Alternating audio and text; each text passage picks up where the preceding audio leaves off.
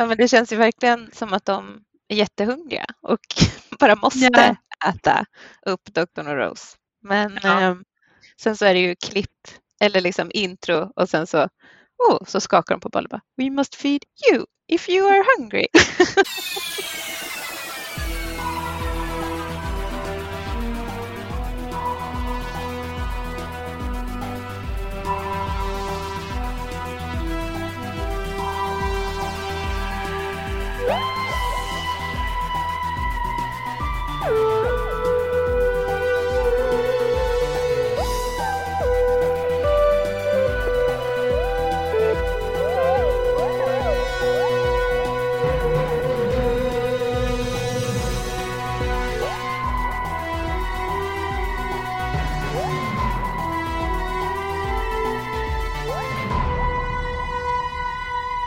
Välkommen till Dr. Who-podden, en podd där vi går igenom nya Dr. Who avsnitt för avsnitt. Idag ska vi prata om The Impossible Planet som är det åttonde avsnittet i andra säsongen.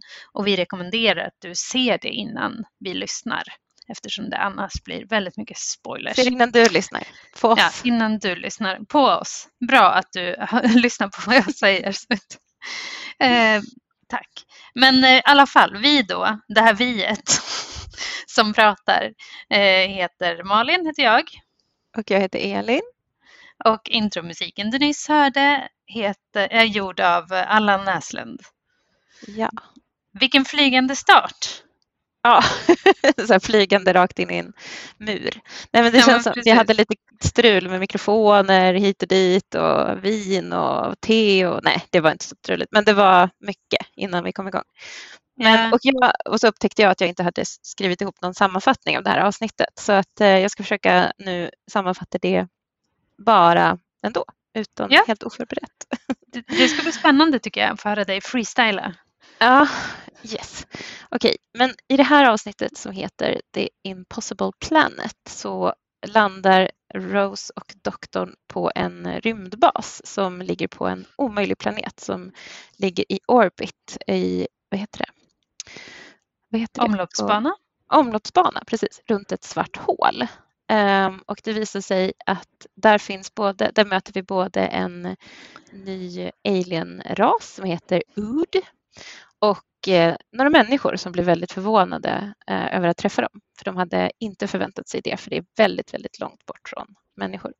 Eh, och de här människorna som är på rymdbasen, de är där för att borra efter en jättestark kraftkälla som de vill använda för att revolutionera vetenskapen eller starta krig. Vi vet inte. Ehm, och eh, det börjar hända massa mystiska saker. Eh, The Ood, de är en slavras, så de är liksom gjord, gjorda för att eh, tjäna eh, och är väldigt, väldigt servila. Men helt plötsligt så börjar de säga konstiga saker och eh, det börjar också vara några ur, ur besättningen som hör konstiga röster och eh, när de kommer ner till kärnan, till det här kraftfältet, så eh, verkar det vara som att de har kommit till eh, djävulen. Det är väldigt, väldigt Mm. mystiskt. Men det här är ju del ett av två, så vi får inte riktigt några svar i det här avsnittet, utan det är, vi lämnas med många frågetecken. Men det finns ändå väldigt mycket att prata om, tycker jag. För vi valde ju det här avsnittet att eh, förra dubbelavsnittet som det var så körde vi ju eh, ihop det till ett avsnitt. Men nu kände vi ändå att vi ville ha två avsnitt för att som sagt det händer mycket. Och det kanske också var lite partiskt att vi tycker att de här två avsnitten är mycket bättre än Rise of the Cybermen och Age of Steel. Det kan vara så faktiskt. Man vill liksom prata lite mer om, om det som hände här. Mm. Ja, Men, ja, men jag tror det eh, är bra. Ja, men bra sammanfattning. En sak som jag ville fråga dig då, hur du har tolkat direkt. Alltså tolkar du som att det är oklart? För mig, alltså just det här som du sa att det var oklart varför de borrade där. Eh, Mm. Eller liksom varför de vill ner till energikällan. Jag tolkade det som att doktorn var så här, oh vad härligt att eh, träffa människor som faktiskt inte är ute efter något ont utan bara vill upptäcka och det här är därför ni är så bra och där, där, där, där, där. Så här. Mm. Men eh, tänker du att det finns ett eh, dolt motiv? Liksom? Är de ute efter krig? jag vet, det känns ju som att de har lite olika motiv. Det är ju, vi får ju träffa ganska många nya karaktärer i det här avsnittet. Mm. Mm. Eh, så att det känns som att det finns lite olika. Vi, vi skulle ju kunna prata om dem, men först ska vi säga någonting om vem som har typ regisserat och Mm. skrivit och sådär. Jag, jag vet inte så mycket, jag har inte kollat upp det heller, förutom att jag vet att han som har skrivit de här två avsnitten bara har skrivit dem och inte skrivit något mer avsnitt, men han har skrivit någon annan Doctor Who-berättelse tror jag. Ja, han heter Ehm. Matt Jones Mm. eh, och har skrivit lite annat. Ehm, Han har också varit inblandad i Queers folk tydligen. Så de Mm. känner väl varandra sedan den tiden, han och eh, Russell T David. Jag hörde också att Ehm. han var lärare på Goldsmith innan. Oh, coolt. Där har jag haft vänner som har jobbat. Det är ett universitet, eller hur? Ja. Mm. Eh, så jag har ju varit ganska mycket i den eh, delen av London där det ligger faktiskt. Ja, man kan nästan säga att du känner honom. Ja men precis. Du kanske har träffat honom. har en så här, ja men eh, säkert, jag och, och Matt. Eh, Nej, jag har faktiskt ingen aning om hur den här personen ser ut eller vad, vad han vill med livet. Men, men tydligen så har han i alla fall skrivit det här avsnittet. Sen så har jag också läst att eh, Russell var ganska så här inte så nöjd, eller han tycker att han har skrivit om avsnittet så mycket efter att det har blivit levererat så att han borde få liksom cred för skrivande. Mhm. De har bland annat, det är några så förändringar som har gjorts här. Till exempel så fanns det någon konstig drömscen där Mickey Mm. skulle vara med, eh, som är borta. Eller ja, den var inte med. Eh, Men gud, men det hade ändå, ja, jag vet inte vad jag ska säga. Det känns ju också jättekonstigt att Mickey är helt, alltså sen, sen han försvann så är det som att ingen Mm. bryr sig längre. Nej, och tydligen, På något sätt och vis hade det varit intressant.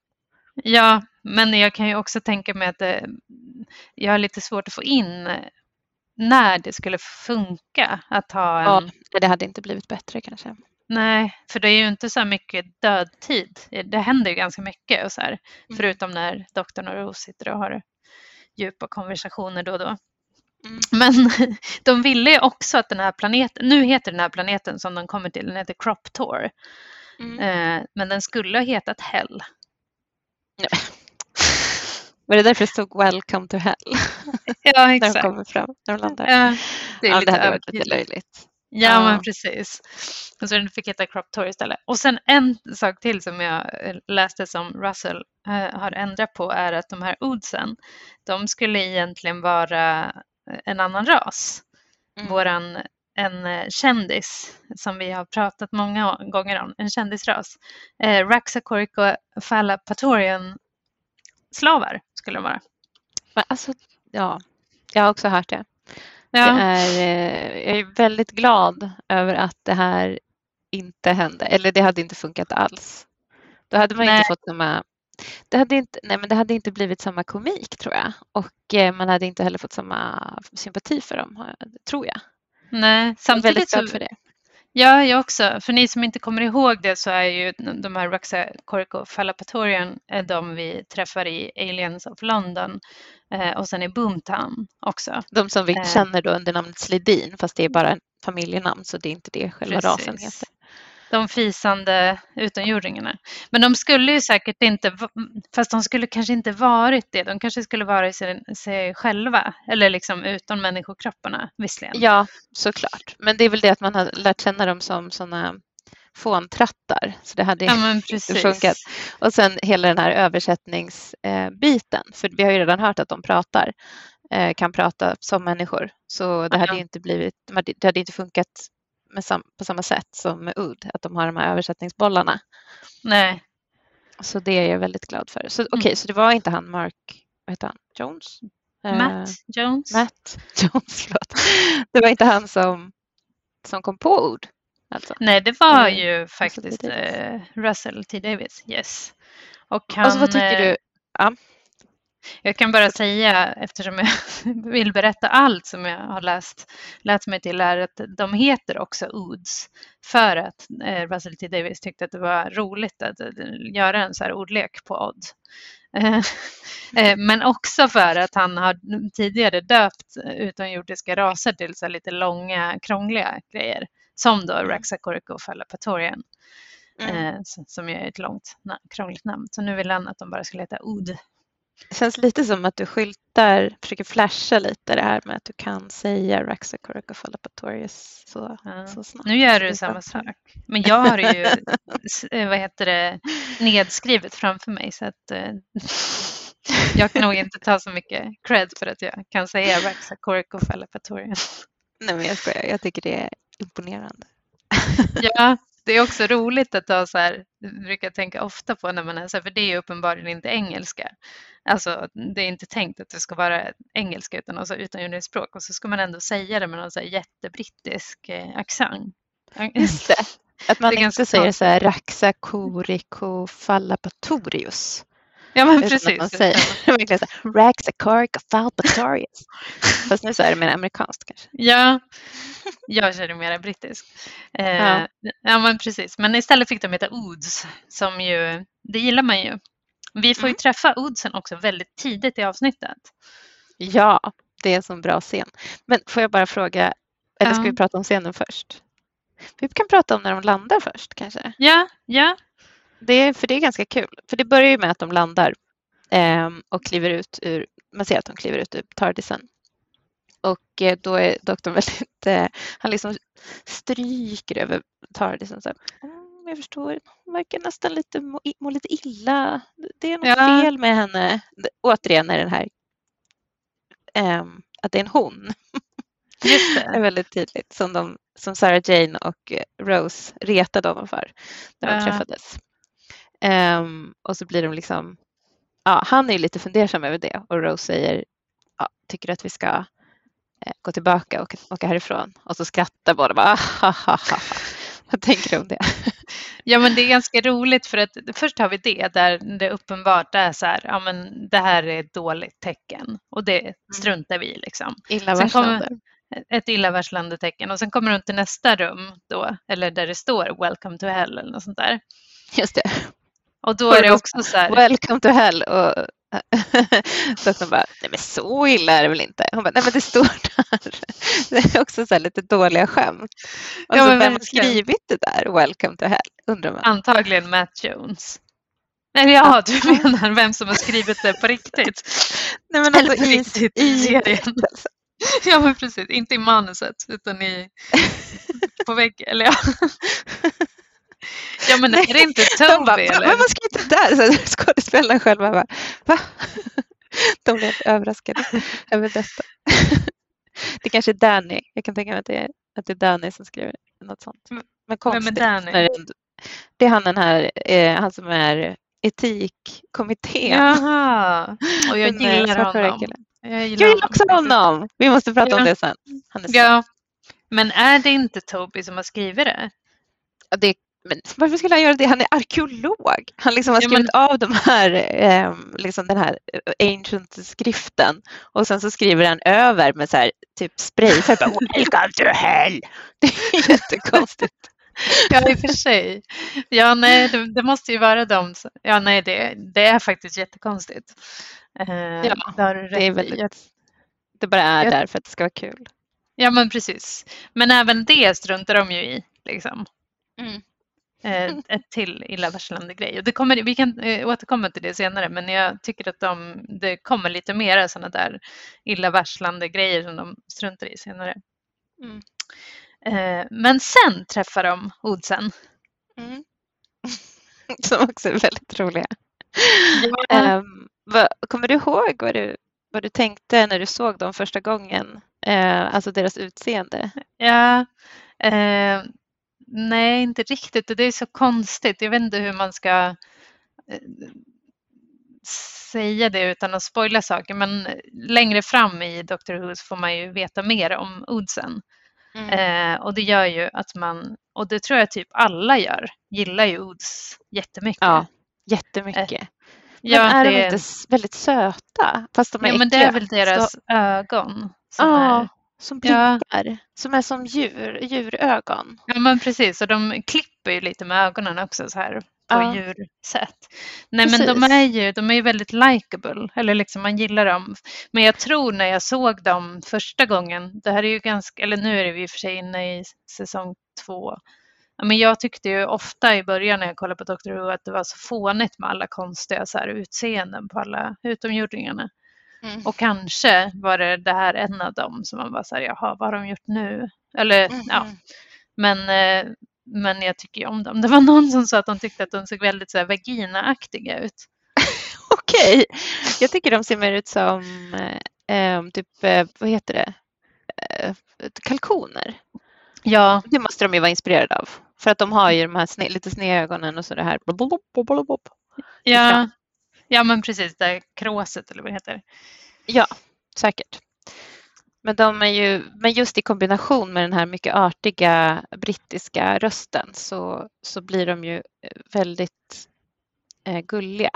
Ja, Men de förutom säger där då, i första scenen. We must, we must feed. Så kommer alla, det blir fler och fler och fler som går och omringar dem. De är väldigt eh, sugna på feed, feed. Ja, Och det är ju ganska roligt för det vi pratade om i förra avsnittet, det här med The Wire, att hon hela tiden skrek så här, mat, måste mata mig. Och sen Mm. så kommer det nu några som säger samma sak. Just det. ja, men det känns ju verkligen som att de är jättehungriga och bara måste Ja. Äta upp Dr. och Rose. Men Ja. ehm, sen så är det ju klipp eller liksom intro och sen så, oh, så skakar de på bollen We must feed you if you are hungry. Jag tyckte det var väldigt roligt. Jag tyckte det var alltså faktiskt ett så jättebra intro till, till det här avsnittet. Att det, för efter det där när de kommer emot We must feed, we must feed, då blir det ju eh, intro eller titel, melodi eller vad heter det? Ja. In, Mm. ja. Och sen, ja men det är, det är mycket bra början tycker jag. Ja, jättebra början. Jag tycker också det. Det är roligt. Eh, Det är en jättebra... Det är som att man... Jag kommer ihåg det här avsnittet väldigt tydligt. Det här är nog ett Mhm. avsnitt som jag brukar tänka... Eller tydligt. Alltså det är ett avsnitt som jag brukar tänka på ibland för att jag tycker att det är lite... Det bryter lite från eh, Dr. Whos vanliga stil. På, alltså på det sättet att Ja men att det är typ en djävulsgestalt eller vad ska man Ja. föreställa Alltså det är någon slags religiöst, är det det eller är det inte? Det får vi väl kanske veta mer om i nästa avsnitt. Men Ja, ehm, efter att jag, jag kände att när jag hade sett Doctor Who så här pass långt så tänkte jag att jag förstod det. Att typ det, det finns ingenting som är övernaturligt utan allting är bara, går bara att förklara med att det är, en, att det är olika aliens. Men mm. att här verkar det vara någonting annat så här ondske, uråldrigt ondskefullt. ja just det. Ja. Men just att Ud var med i det här avsnittet kommer jag inte riktigt ihåg Aha. faktiskt. Det är konstigt. För att de är ju så viktiga ändå Ja men på precis. flera sätt eftersom de Ja. också blir sen The Beasts armé. Ja, det är läskigt. Men de säger ju, men ja. Men ska vi prata om, jag tänkte vi skulle kunna prata om teamet. Mm. Ehm, för jag har skrivit, det har jag skrivit, skrivit upp i alla fall, så duktig, jag, duktig var jag. Mm. Ehm, vi har då, det är bra, det är, det är otroligt många så man undrar lite varför de var tvungna att ta in så många, men det är ju många bra karaktärer. eh, Mm. Så det är kul. Så att, och det de gör är att de eh, alldeles vid första anblicken när, när de möter doktorn och Rose så blir det ju som ett jordskalv och då Mm. ska de kolla, ska liksom kaptenen kolla så alla är okej, så då ropar han ut alla namnen och då får vi se deras ansikten. Och Just sen det. lite senare så presenterar Aida dem igen. Så att vi Mm. får ändå två chanser att liksom lära oss namnen, men det är ändå jättesvårt. Mm. Men det, jag tänkte på det, att det måste ha varit lite medvetet att så här, vi måste ge, ge tittarna en chans Mm. att förstå vem som är vem. Men vi har då Aida Scott som är forskningsbefäl. Mm. Vad tycker vi om henne? Tycker mycket om henne. Ja, mycket. Ja, Alltså, hon, hon är känns så- smart och liksom Hon ser väldigt intelligent ut. Jag gillar Ja. hennes utseende. Ja, verkligen. Hon känns Hon- som en så här, eh, ja men precis, smart och stabil och snäll. Ja, men precis. Ja. Gillar henne. Allt man vill ha hos en kvinna. och också en så här vuxen kvinna, inte bara en liten eh, jänta som, vi, som eh, doktorn brukar hänga med annars. Utan, ja, men jag gillar henne jättemycket. Eh, och sen så har vi Zack.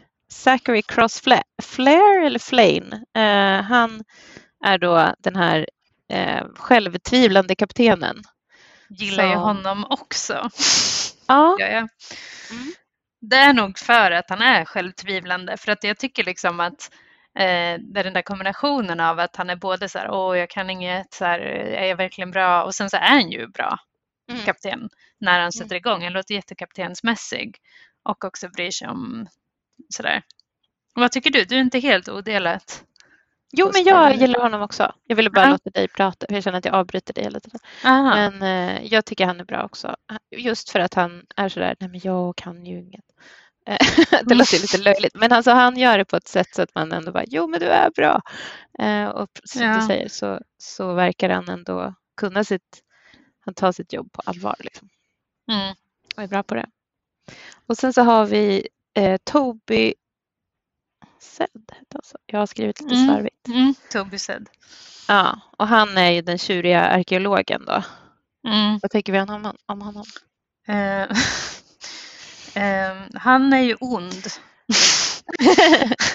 Nej, jag vet inte. Alltså, det är väldigt så jag tänkte, alltså det som kommer att hända i avsnittet är ju att han blir på något sätt besatt av det som eh, verkar vara djävulen eller Satan.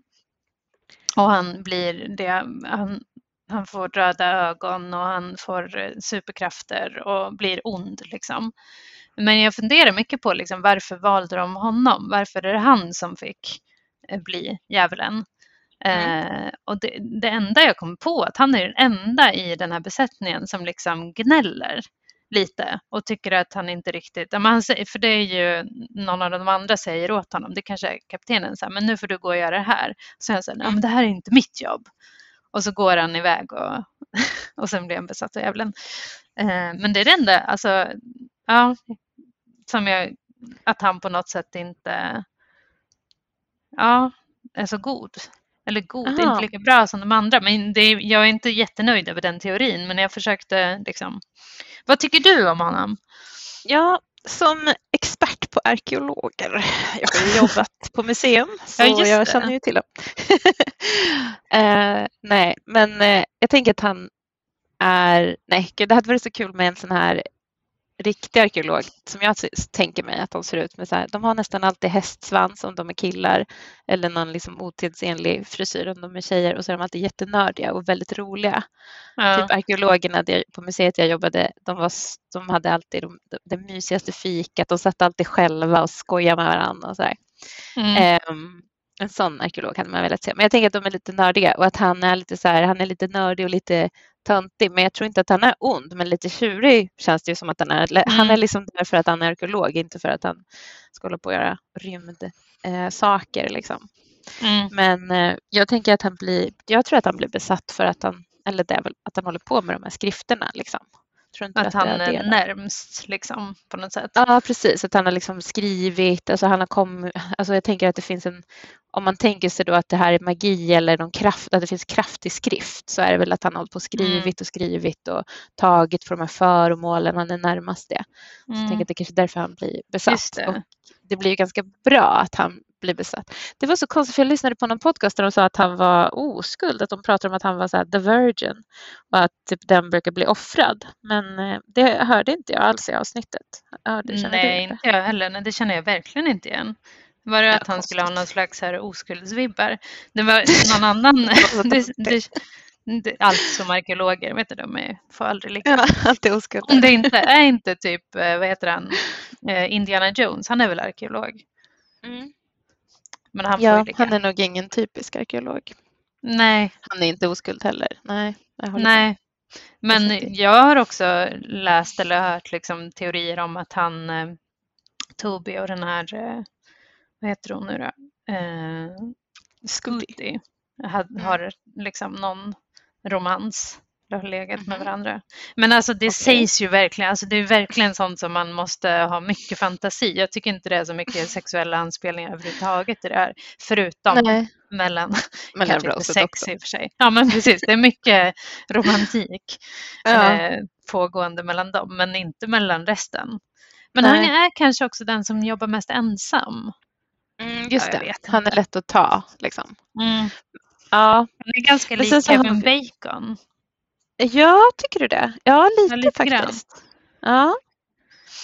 ja, men sen så har vi också eh, Danny Bartok eh, som Yes. då är eh, etikkommittén. Så oväntat. Som är roligare än vad det. låter, som man säger. Ja, precis. Och det känns som att så här, då är man nog inte så devoted till sin gärning om man säger så. Eller? Då är man inte en Ja. hängiven etikkommittéledare. Och vilka mer består den här kommittén av? Är det den enda?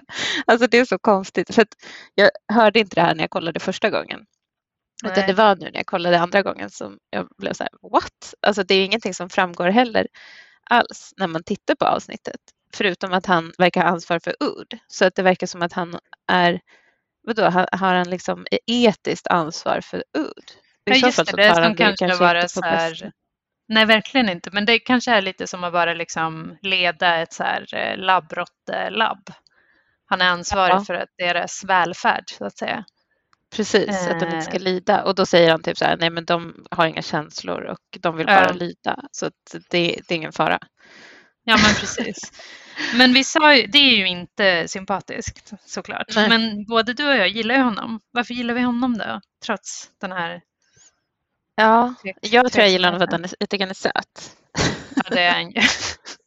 Fast alltså grejen är den, jag, nu kanske jag föregår lite, vi har ju fortfarande två personer kvar att prata om, men jag tycker hela den här besättningen är väldigt sympatisk. Mm. Alltså jag gillar eh, besättningen generellt. Mm. De verkar vara Mm. ett bra gäng. Och eh, han är en av dem. Liksom.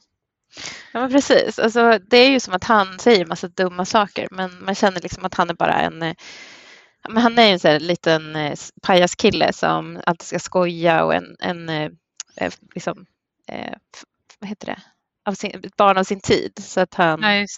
Men man ska väl inte ursäkta att han håller på ursäktar att man har slavar men Nej. ändå så gillar jag honom lite. Men det gör de ju allihopa. Det är, vi kan Ja. ju prata mer om det snart, men det är ju Ja. verkligen inte kännetecknande för honom. Nej. Så. Nej, precis. Men han, eh, ja, men han, det är väl att han är lite sårbar och, och liksom gullig på något sätt. Och Mm. Jag trodde först eh, att han och, Rose, alltså jag tänkte att han skulle kunna vara någon som Rose flörtar med. Men det Ja. känns ju som att den tiden är förbi. Eh, att. Rose flörtar med andra. Hon, är, hon, har, sin, hon har sin pojkvän med Ja, sig. men precis. Ja. Ja, Ja. okej. Och sen så har vi också Jefferson som spelas av Danny Webb. Han känns ju känd. Ja, känd skådespelare. ja, det gör han. Eh, men inte, alltså, det känns ju verkligen som man har sett honom. Han är 63 år gammal idag. Eh, väl, var väl 10 år yngre eller någonting. Han har ju varit med i Young Indiana Jones, på tal om Indiana Jones. Eh, jag älskade unga Indiana Jones. Mm. Eh, när det gick på tvn. Nej men han har varit med i ganska mycket men kanske inte själv spelat huvudrollerna. Utan varit sådana här, men verkligen en lång. Om man går in på hans Wikipedia-sida så gud vad han har gjort saker. Ja, men han, känns, han har ett sånt utseende som funkar jättebra att spela skurk som sitter och ser sur ut. Ja, Eller go, good guy som är bister. Militär. Han ser ut som en militär. Som man för det är han ju här. Ja, Han är säkerhetschef. Och sen så har ju han två, kanske icke namngivna eller namngivna, men helt anonyma icke-speaking eh, vakter också. Som, Ja, de, de är bara så här, de, finns, de är inte med. Typ. Det, det, det, de, de pallade inte ha med flera. Men en sak Nej. som var rolig angående honom var han har varit med i Alien 3. Just det. Eh, Ja, och det det här rymdskeppet, eller inte rymdskeppet, de är ju på en bas. Den är inspirerad av eh, Alien-filmernas eh, rymdbaser utseendemässigt. Så de, Ja. Också lite storymässigt kanske. Just det här ja, faktiskt. Fienden Ja, finns den- ibland oss. Och, ja, och det känns ju väldigt sci-fi överhuvudtaget, eh, det här avsnittet. just det. Eh. I den här sci-fi-serien. Men Mm. ja, som inte alltid är, känns sci-fi. Ja. Men vad, vad tycker Ja. du om Jefferson då? Eh, nej, men jag gillar inte honom faktiskt. Gör du inte? Eh, nej, gör du det? Ja, men jag gillar ju alla i det här avsnittet. Jag är så himla positiv. Nej, men jag, ty- jag tycker väl att han är kanske den som framstår som mest klyschig liksom. Men, eh, eller så här att, ja, säkerhetschef, det var klart att de valde honom. Men, men som sagt, jag tycker ändå att han har en ganska fin scen tycker jag. eh, lite senare. Mm.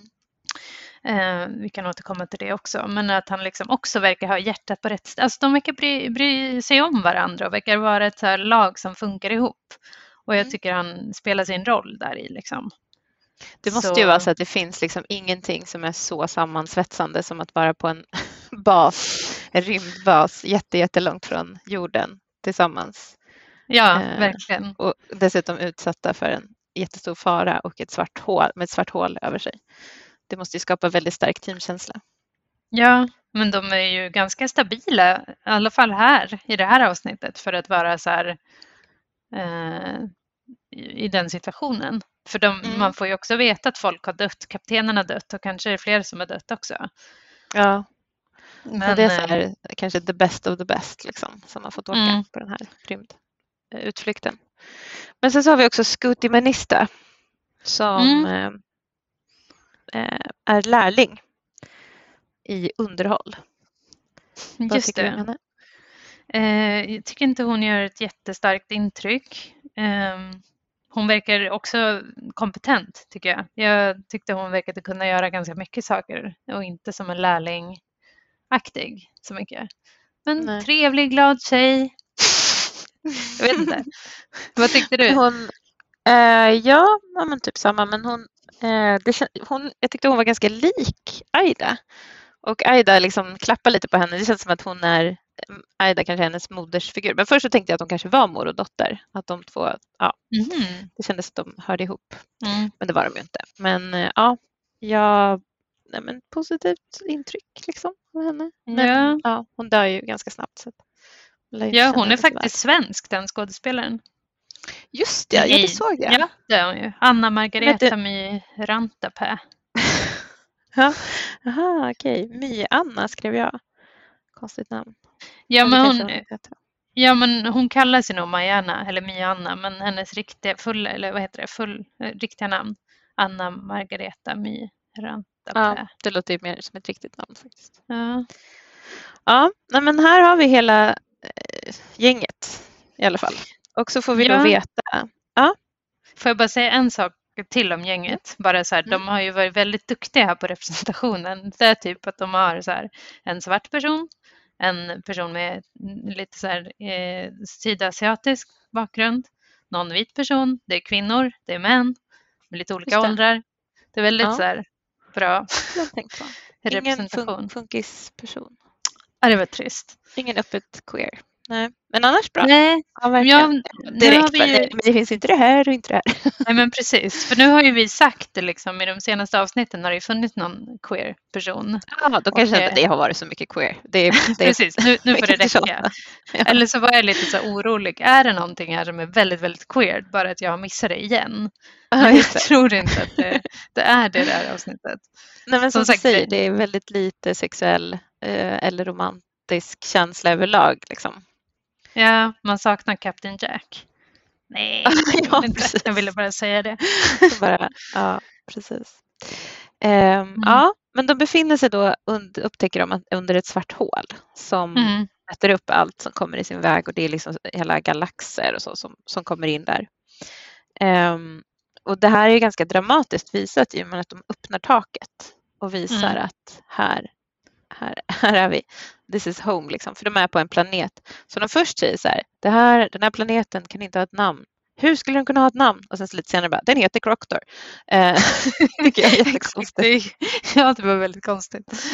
Eh, ja, men, och då är det någon slags ancient skrifter, gam, urgamla skrifter där den heter så. Men, eh, ja, det, men jag tycker det var ganska intressant att få träffa det här svarta hålet för det är första gången som vi gör det i nya Doctor Who och eh, vet inte hur det är i, i tidigare. Men eh, doktorn ser väldigt tagen ut på något sätt. Mm. Och då började jag tänka på vad, hur, vad är hans relation till svarta hål? Och, för det känns ju som att han, jag vet inte om han reser genom typ maskhål och sånt där och är det någon skillnad på maskhål och svarta hål? Är det samma sak? Ja. Visst gjorde Och de det när de kom till den här, eh, vad heter det, eh, parallelluniverset? Då ramlade de väl igenom ett svart hål? Alltså i, eh, Ja, ja, det i, kanske de eh, gjorde. jag har för mig det. Ja, kanske. I Rise of the inte. Cybermen och det där. Precis, alldeles nyligen så var det som att de förlorade Tardisen, ramlade genom ett svart hål eventuellt eller någonting. Mm. Och, ja, det händer igen. Ja, um, ja, men jag såg precis nyligen Interstellar så jag kände att jag bara så här um, relaterade till, eller jag blev så här sugen på, intresserad av, av tanken på svarta hål och eh, doktorn. Hur förhåller han sig till det om man är ute och reser i, i rymden? Liksom? Alltså hur Mm. undviker han dem och så? Och i, i Interstellar, då är det ju så att det är en, ett maskhål eller en väg till en annan, ett annat, ja men en genväg liksom till en annan del av Mm. rymden. Medan, fast här säger ju han, av någon anledning verkar han veta det, att den här bara äter. Det här är bara Ja, han säger det på ett Alltså- sånt där doktorns sätt som kommer med Som att han vet det, fast han, inte, fast han Ja. inte vet hur han vet det. Liksom. Nej, Men då så, så säger de ju liksom att det är någon slags legend med där det svarta hålet var en mäktig demon som lurades att svälja det beska pillret och, och det var den här planeten och sen spottade den ut igen. Just det. Men vad betyder det? Jag förstår inte det riktigt. För om det svarta hålet är demonen och, eller, eller är det här bara ett missförstånd? Och har det Alltså- svarta hålet funnits där hela tiden? Jag fattar inte. Nej, men det känns ju som att de igen liksom vill plantera tanken om att det finns en demon här och att det är något Mm. sådär. Det, det, jag tycker inte det, alltså Nej okej, det, är inte mer- det är inte krångligare än så liksom. Nej, så tänker jag i Mm. alla fall. Mm. Just Men det är någonting som de förstår ju inte själva liksom varför de inte sugs in i hålet riktigt. Alltså det går inte att förklara. Det är väl därför den heter det Impossible Planet. Just det. Fast det kan förklaras för att de har den där gravitationskärnan då som liksom gör att de... Just och så är det någonting med 6 gånger 6 gånger 6, 6, 6, 6 som doktorn räknar ut också. När han tar på sig sina glasögon och blir så här science-doktorn. Just det, någonting som de har räknat på i, har lagt mycket, mycket eller på. jag vet inte. Ja. Och Och det var ganska roligt tyckte jag när de bara, de bara, men oj, det här har vi hållit på att försöka klura på i år. Han bara, nej men jag är ju bra bara. Precis. Det var roligt. Han var så här, jag är bara så bra. Så, ja. ja, ja, det är roligt. Ehm, ja, nej, men jag vet inte hur man ska, hur man ska tänka kring det där. Mm, den här legenden och bla bla bla.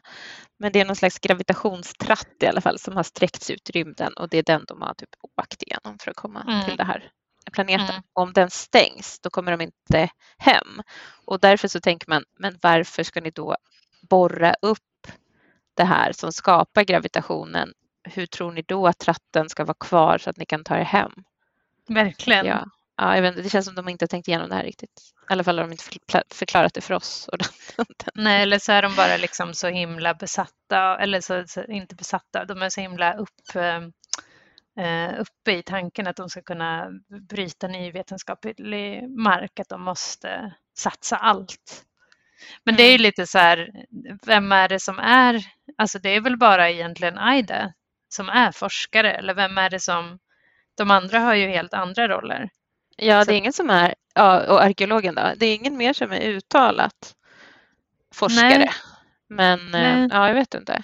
Men ja, det är väl det där att de vill bara upptäcka. De är upp, upptäckare Precis. och eh, äventyrare. Och det tycker ju doktorn är jättekul att se. Eller han blir ju glad för att han känner igen sig själv i det. Det är det han älskar hos människor, att de bara så här måste ut och utforska mer och mer och mer. Liksom. Fast de Ja. inte vet vad, vad som händer sen. Och det är ju en rolig scen när han liksom, han bara ursäkta, vi måste ta en paus här. Kaptenen, jag måste krama dig. Vad tycker du om den kramen? Ja men den var ju konstig. Eller alltså man var lite så här, oh det här var lite awkward. Jag skulle ju Ja. inte vara helt bekväm om någon gjorde så mot mig. Men jag gillar ju också att doktorn gör det. Eh, för Ja. att det är väldigt så här karaktär, in, så här, eh, in character på Ja. ett bra sätt. Eh, men det var ju också lite konstigt. Eller hur kände du? Ja, men samma. Ja, precis. Det är, lite, det är konstigt, men han... Ja, det är en konstig scen. Alltså, jag tycker att det är lite som att kaptenen blir lite bortkollrad av honom. Kanske han är förtjust i doktorn, jag vet inte. Men han Här har bara vi den queera. Ja, precis. Alltså, okej, du får ge mig en kram. Okej, du får gå åka ner med Aida i i, till det här, fast jag inte känner dig. Okej, vi bara bryter protokoll och du får vara med på allt. Liksom. Mm. för att han, var, han kan inte säga nej, fast han, borde, han vet att han borde. Liksom. Ja, fast han borde ju heller inte göra det för att doktorn är ju en person man vill ha där. Så det är såklart. Ja. Så, och det är, kanske, det är väl kanske därför han gör sånt där, kramas och för att liksom visa att nej men jag är på er sida. Jag vill väl. Mm. Ja. ja, precis. Ja, men jag tänker bara enligt alla protokoll borde han inte Ja men absolut. Nej, det kommer en främling. Ingen fattar ju. Alltså, det är helt omöjligt att de är där och de är ju så här, ja nej vi kom hit. Inget konstigt och de är ju så vanliga. Jag tycker ju faktiskt inte att de är så odrägliga här i, eh, liksom mot andra som de är i vissa avsnitt. Eh, utan, eh, utan tvärtom. Alltså Rose är ju, ja, jag gillar Rose i det här avsnittet faktiskt. Mm. Men hennes styling. Ja, jag skulle ju säga det, förutom den här eyelinern. Ja. Alltså så fruktansvärt mycket eyeliner. Ja, det känns konstigt. Det känns som att det borde ha någon betydelse, men eh, det bara är där. Nej, men det är så. Fast jag gillar ändå det med Rose, att hon är så här. eh, Hon, är en, hon ser verkligen ut som en 19-åring som har från 2006 som har stylat sig själv innan Ja. liksom, hela influencer Kardashians tog över och lärde 13-åringar att sminka sig på som modeller. Liksom. Så var Ja. det så här. Det var så här vi såg ut. Ja, ja men det är sant. Ja, men det är roligt att hon inte är mer stylad för så, ja, är det det brittiska. Alltså min eh, kompis som är amerikan, hon brukar alltid säga det så här, nej men man ser när, när det är brittisk, brittiska tjejer för de är alltid fulare. Ja, men hon ska ju vara en sån här eh, kicker ju. Eller chab. Så ja, det. säkert. Ja, hemskt. Ja, men hon ser ju också, alltså när man ser hennes Och stil i det också avsnitt. att hon sa det när vi var 14 och inte nu när vi är 40, måste jag också få säga. Hon, bara, hon säger Ja. alltid, nej, hon sa det alltid när vi var tonåringar, inte nu. Okej, jag bara, ja, ja, jo, så kan man ju förhålla sig till. Inte, inte konstigt alls. Nej, men nu är väl alla tjejer jättesnygga. Som sagt, man har väl avskaffat liksom vanliga utseende nu för tiden. Precis. Ja. Mm. Ja, men eh, det är ju härligt att hon får, att hon får styla sig själv som hon gör. Och att doktorn gillar henne ändå. Eh, och så. Liksom. Men, eh, Mm. men hon är jättebra. Hon är liksom hon är så rolig också att hon bara så här, inte har någon respekt för auktoriteter någonsin. Nej. Att hon Nej. alltid är så här, jag tänker prata på komradion och, och, och, och liksom, det här är en militär anläggning. De är inte så här, det är jätte, jättenoga med att man liksom respekterar auktoriteter. Men hon bara, nej. De bara, Rose sluta, håll stay off the com. Hon bara, tänker jag inte göra. Och så ropar hon bara så här, Are you okay doctor? Alltså verkligen också så här orimliga saker att använda. det. Precis, det är bra att andas. Andas då. Precis. Ja, hon är jätterolig och jag tänker att hon har säkert fått jättemycket från eh, Jackie. Alltså det kommer jättemycket från Ja. Jackie att inte Ja. respektera auktoriteter och sen så bara förstärks det jättemycket av doktorn. Ja, men också att han, eller han gillar ju såklart, men, men det är så kon, ja, man kan ju, hon är ju så mycket tonåring på ett sätt, alltså ung vuxen och gör sådana saker. Så det är ju, Ja. eh, det, Ja, men precis. Hon säger också vid något tillfälle till, till Toby att så här, är du ehm, an, drama, ansvarig för dramatiken här eller något? Hon säger något sånt där och då ser man hur doktorn tittar på henne och bara Ja du Rose, det var roligt sagt. Eller jag vet inte. ja men att precis. typ uppskattar det lite och kanske också tycker att det är lite så här, mm. som att Precis. lite där dotter-far-dotter förhållandet igen. Verkligen, även om vi som sagt det, det är en del, det finns några romantiska ögonblick, vi kan ju gå igenom dem också, för det är ju eh, en sak som händer också här alldeles i början, det är ju att eh, det blir en, den här jordbävningen, eller vad man nu ska säga, och sen så tappar de, eller det är några delar i, på rymdbasen som förstörs eller är borta. Eh, och då visar det ju sig att eh, TARDISen har försvunnit i det. Ja. Och, och så då blir Rose och doktorn, ja de är, de är fast där. De har samma förutsättningar nu som resten av crewet. Och de Mm. vet inte om de kan komma därifrån. Vi får då Eh. också veta att, för hon, han, hon säger så här, kan du inte bygga en ny TARDIS? Och han bara, de är inte byggda, de är odlade. Ja, Undrar om det är nytt eller om det är etablerat sedan tidigare. Men det är kul. Jag tror att det är nytt. Jag det- tror att det är nytt. Ja, det förklarar ju också varför det är en sån liksom levande typ av, att det känns som en levande varelse eller som han, han behandlar den som en levande varelse. Ja, men precis. Också att eh, den ser ju inte ut som någonting odlat. Nej. Såklart, men, men just att han kan säga sådana saker, men det känns som det är något som är fel, hon mår inte riktigt bra och så här. Då förstår Ja. man ju det. Mm. Mm. Men den har ju fastnat i ett av sina perceptionsfilter. Just det, det är därför den ser ut sådär. Undrar Ja. hur den ser ut annars. Från, alltså på, när den är, växer upp liksom. Ja, den kanske också ser ut som någon slags, eh, precis som cybermännen och eh, eh, vad heter de? De, de andra ondingarna, dalexarna. Bara någon slags här blob. Ja, jag tänker mig att allting från Gallifrey är runt. För att de Mm. skriver med runda ehm, tecken och så. Det känns som Ja, det är just det. runt och organiskt. Liksom. Som pumpa kanske. Jag vet inte.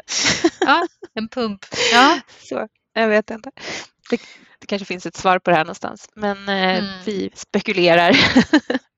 snillen spekulerar. Jag känner att mitt, mitt vin har kickat in.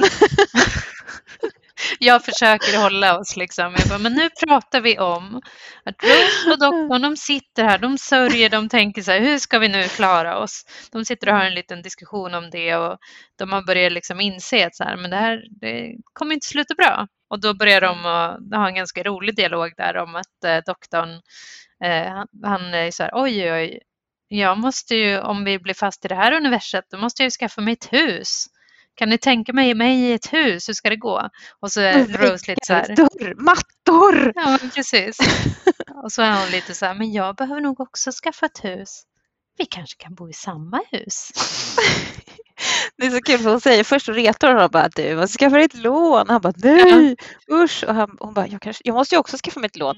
Vi kanske kan bo tillsammans eller ja, dela eller liksom alltså whatever. Ja det är lite pinsamt. Det känns som han tittar till på henne lite så här. "Hmm."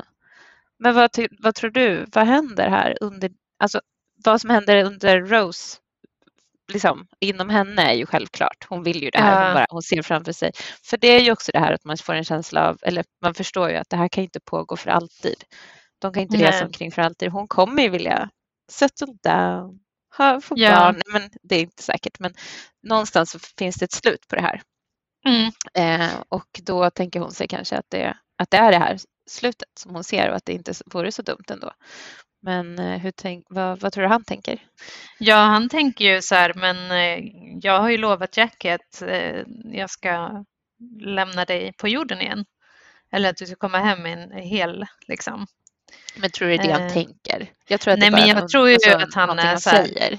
Ja, fast han är, tror jag, orolig för det också. Han vet väl. Alltså jag tänker att han har den här, å ena sidan, rationella sidan som vet att så här, mina kompanjoner, det bästa för dem är att lämnas hemma, liksom. annars kommer de att dö. Mm. Ehm, Men sen så blir han också, han är ju såklart också väldigt skärmad av den här 19-åringen tydligen som liksom vill leva med honom. Så han har väl också någon liksom romantisk, kanske börjar känna av det. Mm. Att det här kanske jag också vill. Ja, men precis. Han kanske vill vill han det, tror jag. Jag vet inte. Det känns som att han är väl lite sådär, han får ta, eh, ta det som det kommer. Att han är så här, ja men jag kommer lösa situationen. Och så, ja, tag, han lever ju också, han har ju som ett väldigt långt liv, väldigt typ, lever för evigt. Så Ja. han kan väl bara så här, ja men jag kanske kan leva ett tag med henne. Det kanske blir bra liksom. Kanske, Ja, han började ju tänka på det redan för några avsnitt sedan när han träffade Ja, Madame de precis. Pompadour. ja, Och, Ja, det gjorde eh, han ju. det måste ju ha hänt förr. Att han Ja. blivit fast någonstans och behövt leva väldigt länge som människa eller som ja, på någon plats. Liksom. mm. Mm. Men, ja men han, eh, eh, i alla fall så är ju han eh, rent, hans hjärta är ju med Rose. Det känns ju väldigt tydligt tycker jag. han blir ju inte äcklad. Nej, han, han var ganska sugen. Men också att han... Men det är ju den första scenen då som är så här romantisk mellan dem. Och sen så finns det en till scen när han ska, doktorn då ska följa med Aida ner under jorden. Och Mm. då pussar eh, Rose honom på hjälmen där Mm, hans, på visiret. ja, vid pannan. Eh, det kändes lite nytt också. Mm. Eller vad tycker du? Tror hon hade pussat honom om han inte hade haft visiret nere? Nej. Eller? Ja, kanske. Jag vet inte. Men eh, det är också, jag ska bara säga innan det, alltså i slutet av den här scenen när de pratar om att bo ihop, då säger, han Mm. säger hon ju också eller han säger det där att jag, att jag lovade Jack att jag skulle lämna tillbaka dig helskinnad. Och hon säger så här, ja men man måste ju lämna hemmet någon gång och att Mm. eh, vara fast här med dig, det är inte så dåligt. Och då blir jag så här, yeah. Och hon bara, yeah. Det känns ganska bra för att det känns också som att eh, det dövar också hans dåliga samvete, just det där dåliga sam- samvetet Ja, att han har det. tagit med henne på farligheter och att hon är typ okej med det. Men sen ska han ju ner till The Satan's Pit och ja, då, då blir det ingen med det där. då får hon Nej, flytta men det är ju- med Danny Boy istället. Ja, men precis. Nej, men det är ju alltid det att även om doktorn är eh, förälskad i henne på något plan, precis som han var i Madame Pompadour, då är, sen är det ju ändå äventyret som är det viktigaste. Han glömmer Han ju är, alltid. han, ja, precis, han är mest förälskad i äventyret. Ja, ja, men det var ju som i förra avsnittet eh, i Idiotslanten också. Han bara drar Mm. när det är någonting som, som drar helt enkelt. ja. ja, precis. Det är sant. Men det som händer här också, om vi uppehåller oss en liten stund till vid den här romantiska stunden, så ringer ju hennes telefon som hon nyss Just har det. försökt eh, använda eh, och då har för första gången faktiskt inte lyckats ringa till jorden. Då. Men den ringer och då svarar hon och så är det djävulen. Ja, ja, eller någon, någon konstig röst Ja, som säger, vad säger han? Typ, the beast is awake, he ja is awake. Ja. Och hon Just just det, slänger just det. ifrån sig telefonen. Mm. Ja, precis. För det här är ju en annan del som vi kan pra- börja prata om då, tänker jag. Att Mm. så här, den här beasten då som börjar prata med alla, den börjar ju prata med Toby. Eh, När han är ensam så börjar han höra den liksom, rösten i sitt huvud. Och sen så Mm. bryter den också på något sätt så hackar den ju all kommunikation så att den liksom, Mm. dörrarna börjar prata och säga så här, he is awake. Och de bara, Mm. vad sa du? Eh, door 17. typ. Mm. Eh, så det, och även han den här eh, Zack, eh, kaptenen, när han har, någon, han har ju något hologram liksom över den här eh, borrningen, hur den går ner till den här kraftkällan. Helt plötsligt så blir, så blir det ju faktiskt en bild av en djävulsfigur med, med horn och allting. Ja, ja, men precis. Ja, men det finns ju mycket om som allt pekar på här att det är djävulen. Alltså det är väl det som det ska planteras här. Sen får vi Ja. väl se. Vi får ju inte veta gåtan och som sagt, det finns ju eh, precis som du sa, ofta är det ju inte magiska eller eh, övernaturliga krafter. Eh, men allt i det här avsnittet pekar ju på att det faktiskt är djävulen. mm. Att, Vad tycker eh, du om, om det? Om det här, de här skrämselgrejerna? Det är ju obehagligt. Eh, ja. Eh, men, eller jag är lite dubbel egentligen. Jag vet att när jag kollade på det här avsnittet när jag såg det första gången så, så tyckte jag att det var ganska fånigt där med djävulen och jag tycker faktiskt ärligt talat att vad heter det mm, Toby ser jättefånig ut när han har de här när han blir besatt av djävulen så får han mm, de här teck, vad heter det? Teck, eh, Tecknen? eh, Ja. bokstäverna, ja, tecknen, eh, på sig över hela kroppen och han får något så här, ser ut som han har typ ätit bläck eller någonting runt munnen, så, här, så utsuddad. Eh, och han ser ju, alltså det är ju lite, och även tycker jag att djävulen ser ut så där i det där hologrammet som du pratar om. Ja, alltså så där, ja, det är lite det för tycker jag också. mycket tycker jag. Ja, i det där hologrammet. Men det beror lite på vad som händer i nästa avsnitt, tänker jag. Men, ja, För jag kommer inte ihåg det riktigt. Men ehm, ja, Nej, men jag tycker nog han ser ganska otäck ut. Jag tycker det är ganska otäckt avsnitt och så tycker jag att det är så bra musik. ja, det är det. Det är liksom både så här otäck musik eller så här otäcka ljud, känslan av att vara ensam och sådär. Och Mm. eh, också sen det här, de här det är en stråkmusik när han är Mm. ute i rymden och så, eh, när han är ute på planeten eh, utan en dräkt. Och Mm. han får ut Scooty, då tycker jag också det är jätte, jättefin musik. Så jag tycker det är väldigt stämningsfullt. Så jag tycker att den är ganska, det är ganska otäckt, men just kanske hologrammet är lite fånigt. Och, och när han, när, förlåt, när, eh, vi säger djävulen nu då, att det är djävulen. Mm. När djävulen pratar med Toby och så här, Toby, Toby. Och han bara så här, där nere nu, Toby, jag står bakom dig, du får inte titta. Titta inte på mig, titta inte på mig. titta. Alltså att den är lite, då tycker jag att det är lite töntigt. Han, var så här, han är jätterädd, alltså det är så, såklart jätte, jätteotäckt. Men Ja. för honom, alltså det skulle det ju vara. Men att den är så här, jag kommer fram nu, jag sträcker mig. Titta inte på mig!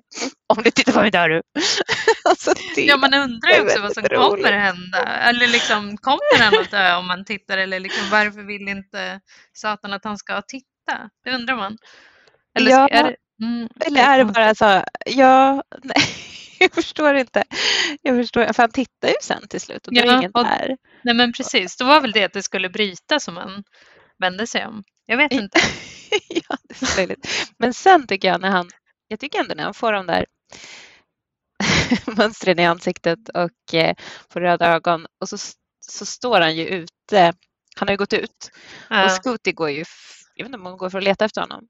Eh, hon ska ge honom någonting. Och så får Mm. hon höra att oj, det är någon som har gått ut. Vem är det? Hon förstår så här, door 41, det är ju någon som har gått ut, det, det ska de inte göra nu. Mm. Eh, ja, och så frågar hon vilken spacesuit som har checkats ut och det är ingen spacesuit som har checkats ut. Och sen så får hon syn på honom och så står han där och så, och så ser han väldigt glad ut.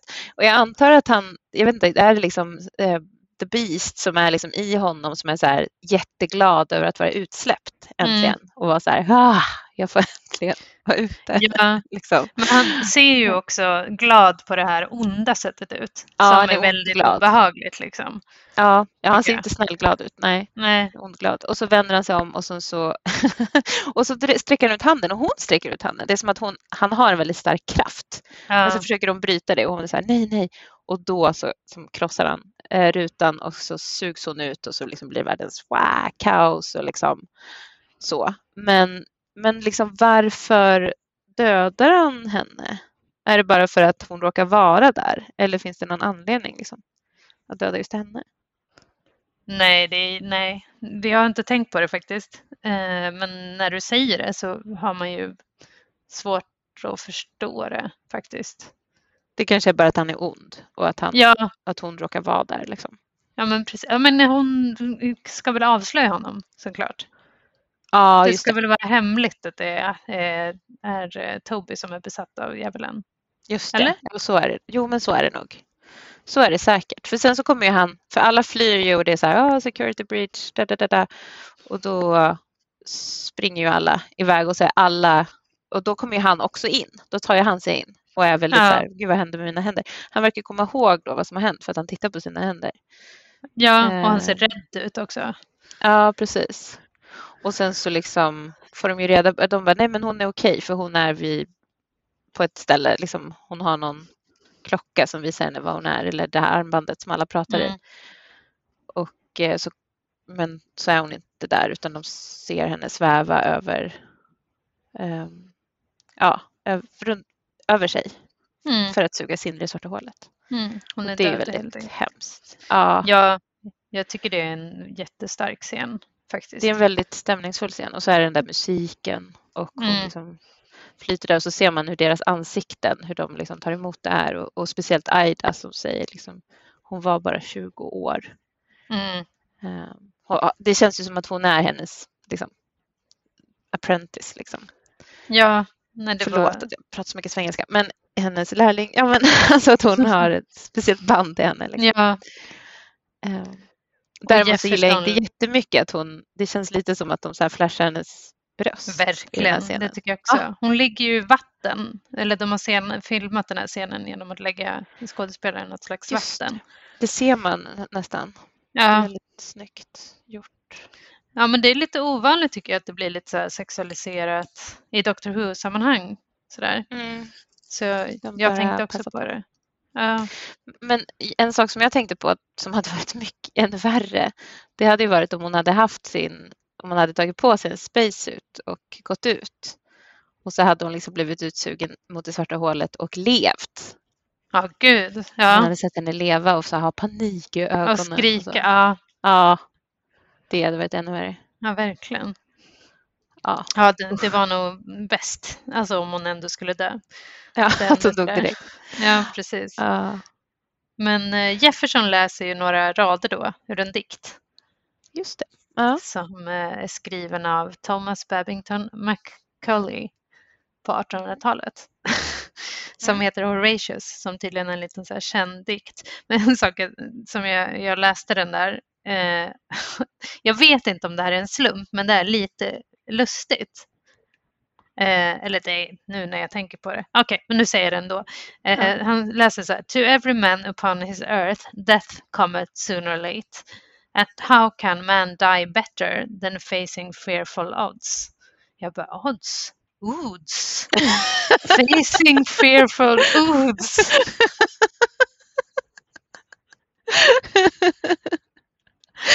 ja. Var det ett, eh, vad heter det, sammanträffande? Ja, vem I vet? think not.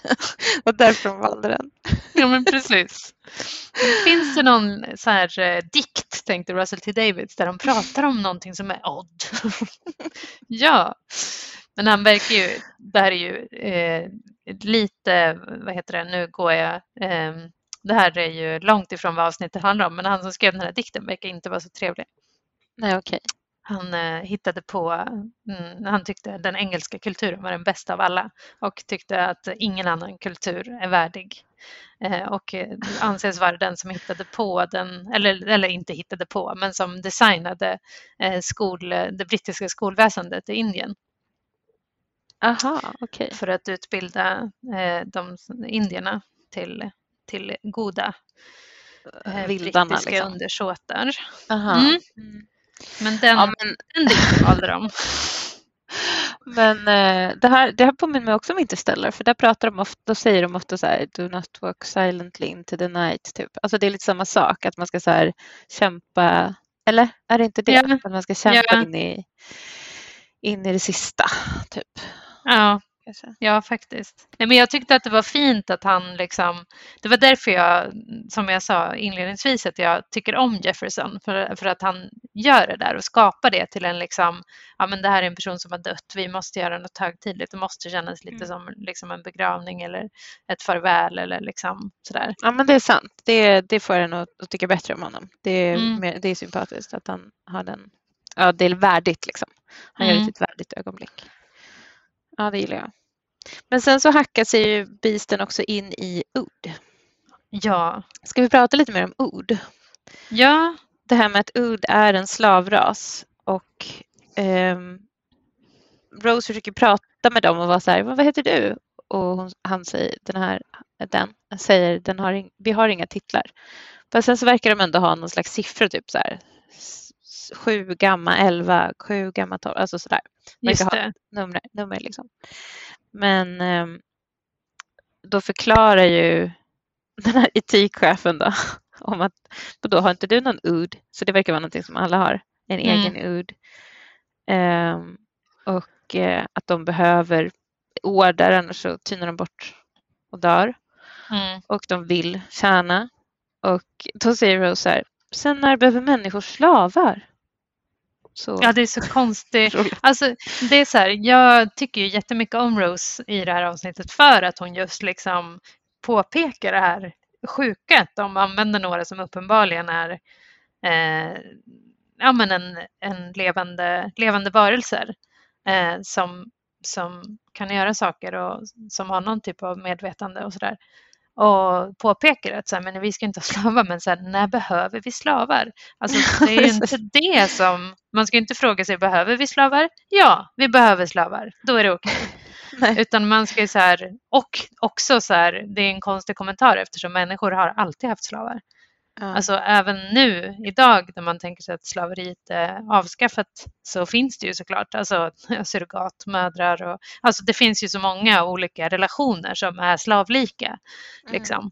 Ja men till och Eh. med så här, oh, alltså, de slaviska länderna, de, alltså Ja. ordet slav kommer från de slaviska länderna för, för att där kom, åkte vikingarna och tog slavar. Liksom. Det har Ja. alltid pågått. Ja men precis. Så det är ju det är konstigt att hon eh, inte, eller att hon ramar in det så helt enkelt. Även Mm. om man ju gillar att hon tar upp det där.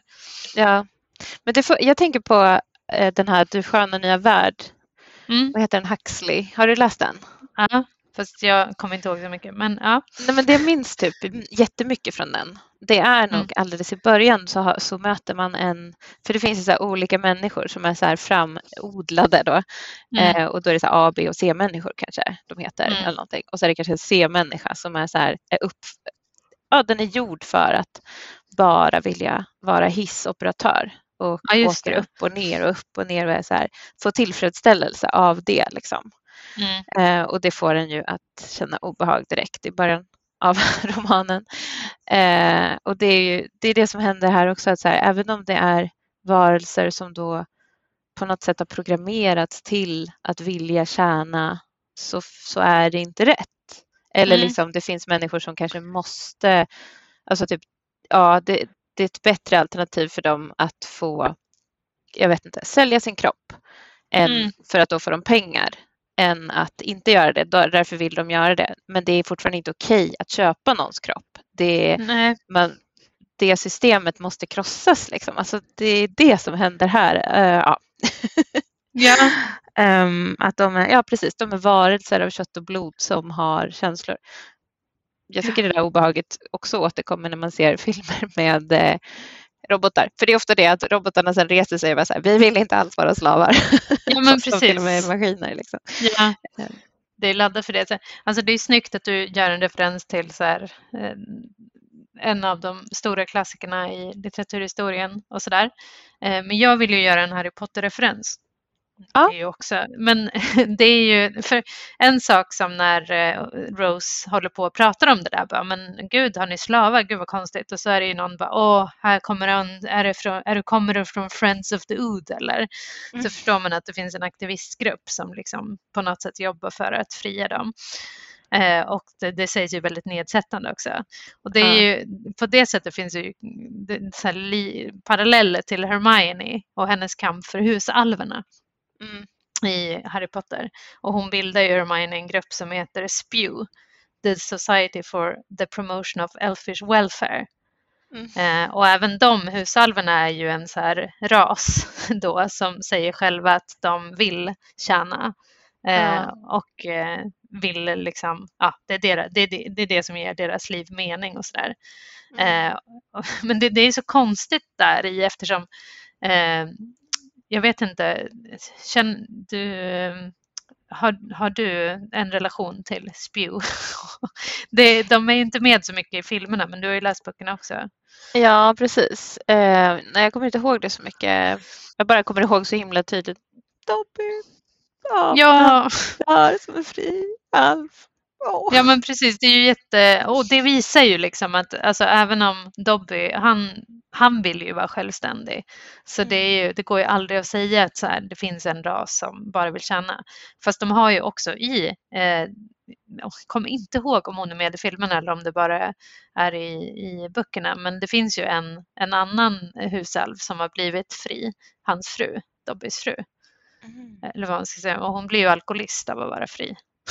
Hon tyckte det var så himla jobbigt. Ja, men ja, precis för att de har liksom levt under ett jättestort förtryck jättelänge och det är inte så himla lätt att bli fri direkt och ja, Mm. såklart. Fast- Eh, jag kommer inte ihåg det här från böckerna. Men, Nej, eh, men det som det, undertexten är ju att det är dumt av Hermione att hålla på med det här, det, eh, Spew-gruppen. Och det förlöjligas ganska mycket och liksom leder också Nej, inte till någonting. Utan men- att det, ja. Så det, det är väldigt konstigt. Det är, en, Aha. det, det är en konstig grej. Så man både gillar ju att Hermione håller på med det där. Ja. Eh, men, Hermione känns ju ändå som en person som säger det rätta och är liksom den moraliska kompassen väldigt mycket. precis. Så det, ja, jag minns Ja. inte att... Jag minns Men jag inte tror- det. Men de har inte så stor roll i filmerna. Men eh, i böckerna det- tar det upp ganska mycket Mm. utrymme. Men i vilket fall som helst så känns det här som att eh, Rose kör en eh, spew-grej. Eller det finns ganska många like, likheter där. Men du har ju Ja. rätt alltså också att det blir den här parallellen till alla andra filmer och så vidare man har sett där det är så här de kommer resa sig. Det Ja. kommer inte sluta bra. Nej precis, för de älskar inte alls, att, så- eller de kommer känna någon annan. Liksom. Om de, Ja. de, de kan lika gärna känna någon annan, de är inte lojala till just er. Mm. Ehm, men det är också, ehm, ja. Men det är roligt med den här översättningsbollen också som de har som hela tiden krånglar så att de säger konstiga läskiga saker. Att de bara, Ja. nej, det var inte meningen. Va? The beast will arise. Oj, nej, nej, nej, det var inte meningen. Fast de säger inte heller the beast will arise utan de säger så här, the beast will arise with his army. Ja, ja. och Rose är så här, eh, va? Okej. Men också, jag tyckte att det var ju också så här, för de- de andra är ju så här, nej men lyssna inte på vad de säger, de är ju inga att lyssna på. Medan hon Ja. är ju de som, om de hade lyssnat på det där, eh, då hade de ju upptäckt det tidigare, att någonting var riktigt fel Ja, med oddsen exempelvis. Ja, precis, verkligen. Ja, men det är att de hela tiden. Men jag tycker att det är konstigt att, att doktorn inte reagerar. Det är ju bara Nej. Rose. Varför gör inte han det? Nej, och det är ju väldigt, alltså vi pratade ju om det förra avsnittet, att han var ju väldigt pigg på när han tyckte att den här pappan i, i familjen Connolly, att han inte liksom var schysst mot sin familj, vilket han ju inte var. Men då var han ju väldigt hård och direkt gick och sa det här är inte okej, så kan man inte behandla andra människor. Och så kom Ja. man till ett ställe där de var slavar liksom. Och Ja. han bara så här, "Ja, det är så här det är här. Ja, precis. Tror att han bidar sin tid bara. Att han är så här. Okej, det här är inte okej, men eh, jag tar det sen när jag har förstått vad i Så- övrigt som händer. Ja, så kan det ju vara. Att han För att det är typ ett inte... jättestort system så han kan inte bara, det är inte bara en person han kan säga till utan det, Just det är väldigt stort. Liksom. Ja, jo men så är det nog. För han är ju ganska tillbakalutad här överhuvudtaget Ja. väl. Det Ja, avsnittet. precis. Men det är hemskt när de kallar honom, kallar dem för boskap. Ja. Där är inte Danny så trevlig. Eh, Nej, nej och sen verkligen när de inte. blir besatta och då börjar prata. ja, det tycker jag är så bra för att eh, efter att Rose telefon har ringt eh, Mm. då går ju de ju och pratar med ja, säkerhetschefen Jefferson och Danny. Mm. Och då så säger ju Rose så här, ja men det var en Odd som sa någonting konstigt bla bla bla och sen så, ehm, och så, eh, så ringde min, min kommunikationsgrej eh, och, det, och då sa så här, the beast is awake. Mm. Och då svarar, då reser sig alla Odd upp och svarar så här, and, jag vet inte vad han säger, men de säger någonting i kör bara. Och bla bla bla. Liksom. Och då Mm. märker doktorn det och säger, aha, och då märker han att man kan kommunicera med honom, eller med dem Ja, och säger så här igen, the beast is Ja. awake and he will bla bla bla säger de igen och då är han så här, Mm. who, who is he? Då försöker han få svar liksom, men han får Ja. inte det. Det gillar Nej. jag. Jag tycker det är Ja. smart, så smart att han märker det och att han försöker Ja. prata med dem. han kommer få höga poäng av dig i slutet av avsnittet kanske. Kanske, kanske se. Jag tänker att vi måste ge, jag skulle vilja vänta till nästa avsnitt med att ge poäng för att jag tycker det är svårt att veta. Ja, det kan vi göra. Jag det. känner lite så med hedersomnämnande faktiskt också. Ja. Så jag inte riktigt vet ännu så här, vilka Nej. som är värda att Nej precis, för någon kan ju fram. vända liksom, och bli Ja. en förrädare och sådär. Ja men Ja, och tvärtom, väntar liksom. till Ja, ja då blir det, det får bli våran så här to be continued. det var en cliffhanger. Alla bara, Ja, men "Åh, vem precis. ska få, vad, ska, vad ska doktorn få för betyg? Det viktigaste av allt, det är det jag sitter och väntar på hela avsnittet. Men det är viktigt att ha cliffhangers nu. Ja, det vet vi. Det har vi lärt oss av eh, Russell T Dr. Davis. Ja, men så vi kämpar med det. Ehm, ja, men det är jätte... Det, ja, det där är läs, superläskigt faktiskt när de pratar Mm. i, i kör. Och sen så har de också någon slags mätare på deras telepati, för de har någon slags telepati. De pratar genom den här bollen genom telepati. Ja. Och då har de en mätare som visar att så här, det är basic level 5, det är typ ingenting. Och sen så då Mm. ser de, precis när de säger det, så stiger den till 100 och då är man så här hjärndöd. Så någon, det betyder att de skriker i sina huvuden eller att någon skriker till dem. Eh, så det Ja, är det också är läskigt. obehagligt. Ja. Och sen att det är det här djävulsspåret liksom. Ja. För oavsett om man tror på djävulen eller inte, och vi vet ju inte ännu vad det är, så är det ju obehagligt. ja, precis. Ehm, men sen är, det väl, är vi väl, nu är vi framme vid att de ska åka ner i avgrunden. Ja, Det är det som är kvar. Ja. Och då lyckas ju doktorn tala sig in till att han ska få åka ner tillsammans med Mm. Aida. Då säger Mm. han så här, we're going down in pairs, men det är bara de två som åker ner. Eh, och då får vi se doktorns orangea rymddräkt. Ja, den är ju, gången. på tal om att Rose är liksom cosplayad i förra avsnittet mycket, så, alltså i hennes 50-talsdräkt Mm. som hon har där, så är ju den kanske inte cosplayad mycket, men den är avbildad mycket, den här. Ja, den känns jättelegendarisk. Mm. Eh, och jag blev så här, är, är, alltså, är det här bara en Dr Who-grej? Att den är orange? Är det bara i Dr Who den är orange? För det Eh, känns så det- äkta på något sätt. Ja, nej, jag har ingen koll på eh, det faktiskt. Nej. Jag sk- sa, skrev till dig innan att jag var så här, jag kommer prata om... Ja, jag läser men- Katrin Marsals eh, bok Att uppfinna världen som handlar Ja, om hur föreställningar om kön har liksom hindrat eh, tekniska framsteg kan man säga och Mm. uppfinningar i, genom tiderna. Den är jätteintressant. Men en del av det är eh, när de, där, hon skriver en del när de, när de det är inte så himla så kopplat till det här, men de tar fram eh, den första rymddräkten när de ska åka till månen, de amerikanska Mm. astronauterna och eh, hur liksom alla rymddräkter eller alla som liksom tar fram en prototyp gör det i liksom ett stelt material, typ en stålställning för att man ska kunna, den ska ju skydda Mm. jättemycket från temperatur och skador och man ska kunna liksom kissa och bajsa i den här saken det. och allt liksom Ja. sånt. Men eh, att då kan man ju inte röra sig eh, och vad händer då om man liksom ska röra sig runt i skeppet och så.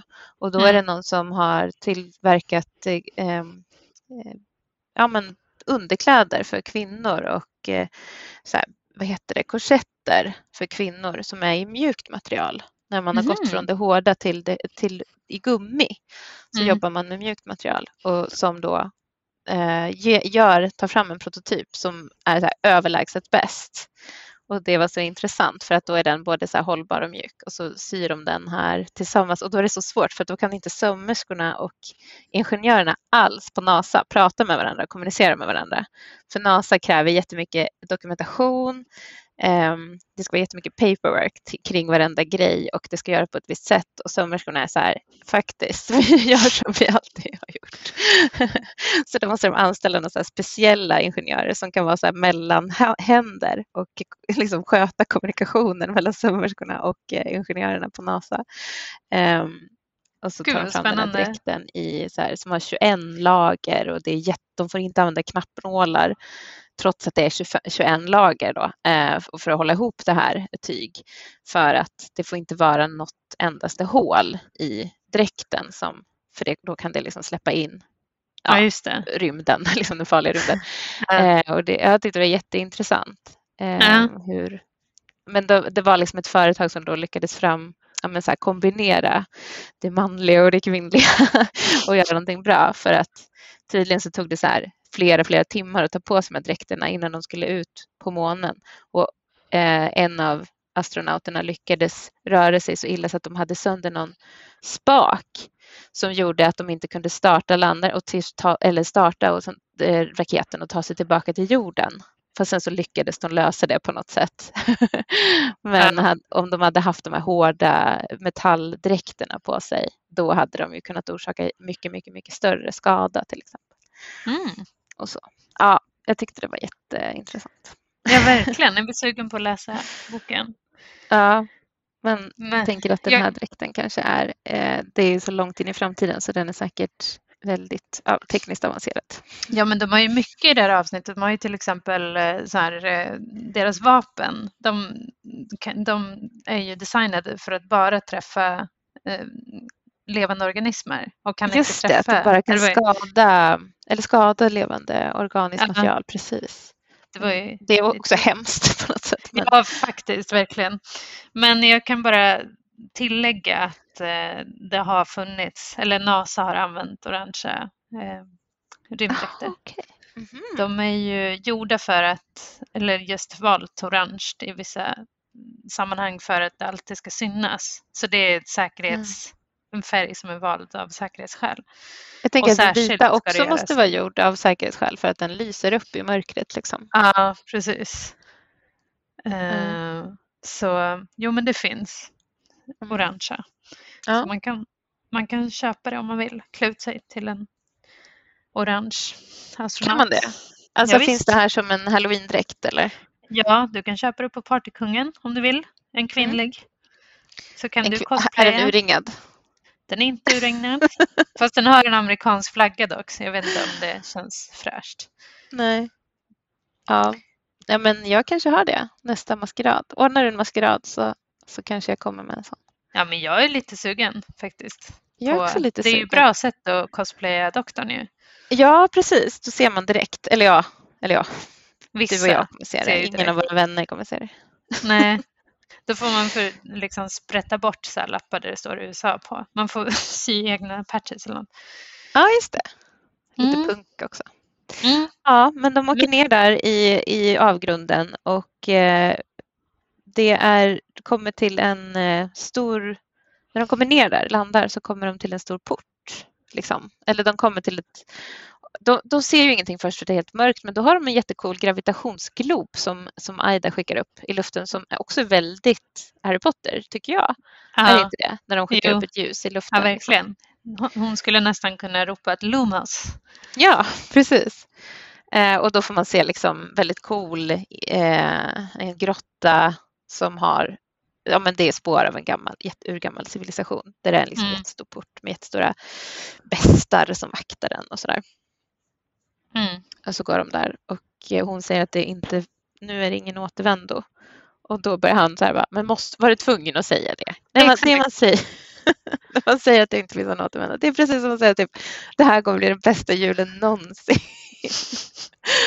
jag tycker det var ganska roligt. Jag tyckte också det var roligt och det var det jag menade i början när jag sa så här, att det finns lite så här varningstecken liksom, som de har kastat ut genom hela eh, avsnitten. Liksom. Det här är en av dem, tycker jag.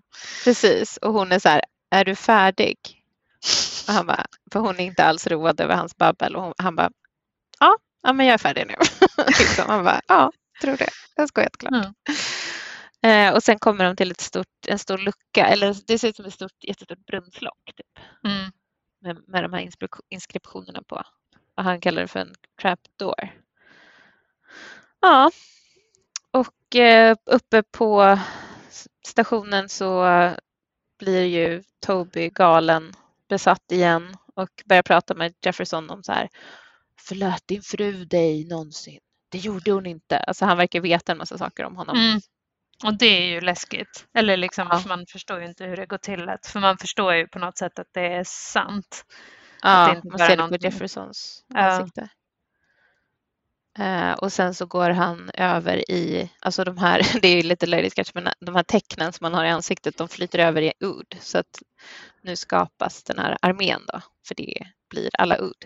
Ja. Och då går de, och då kan de använda de här eh, talbollarna som vapen. Så de Ja, återigen elektrifierar folk. det är det vanliga sättet att döda Ja. folk i den här tiden i Doctor.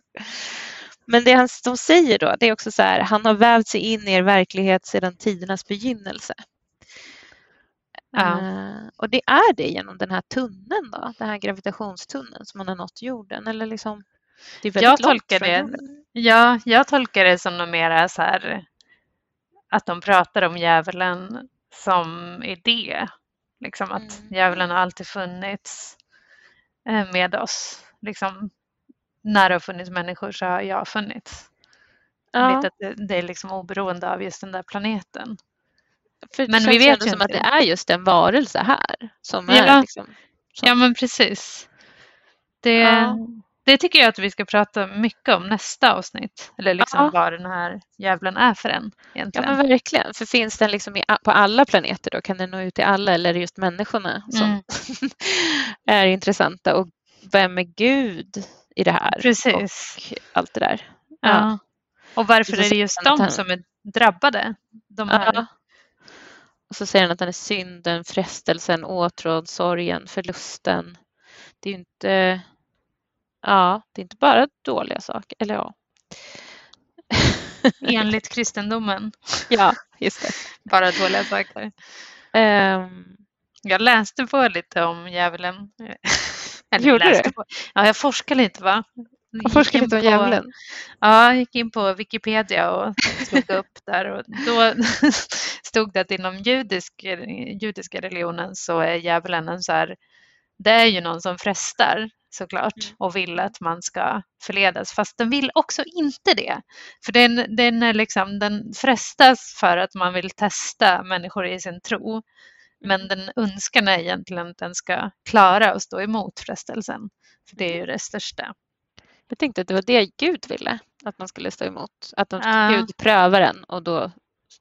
Ja, det låter lite Precis. samma sak. Ja. Ja, ja, men sen är väl också djävulen en, liksom en del, han är ju skapad av Gud väl? Just det är ju det. en ängel som Fallen har fallit. ängel, ja. Ja. ja, precis. Och har man sett David Tennants andra serie, eh, Good Omens, så Just det. är det extra... Ja, jag vet inte. Den är bra. Den är Den finns ju också på Prime. Ja, ja, gör det. Det ska ju komma en Men- säsong två som jag inte riktigt förstår vad den ska handla om, men det ska bli spännande. De kommer nog på något, tänker jag. Ja. Ja. Men ska Ja, men- vi... Ja, men jag tänkte bara den sista scenen där, så då, då är det ju det där svarta hålet. Ja, de är på väg att falla in i det svarta hålet också. Ja, ja just För att det. gravitationen försvinner. Gravitationspunkten försvinner. Mm. Och sen så ser man liksom hur någon åker uppåt ur det här, svart, det här hålet, som, den här avgrunden och säger så här I am free! Och så ser man doktorn och eh, Aidas ansikten bara ja, och så, så slutar det. Ja, Och sen får vi inte se några så här nästa vecka eller nästa avsnitt. det Utan, tyckte jag var jättebra. Ja, Jag ju, hatar ju sånt generellt. Jag försöker alltid stänga av så tidigt. Eller liksom, jag gillar inte trailers. Jag var så sugen på att få se det för att jag var så nyfiken på vad som skulle komma men jag vågade inte se nästa avsnitt för jag var så rädd att jag skulle blanda ihop då vad som hände när.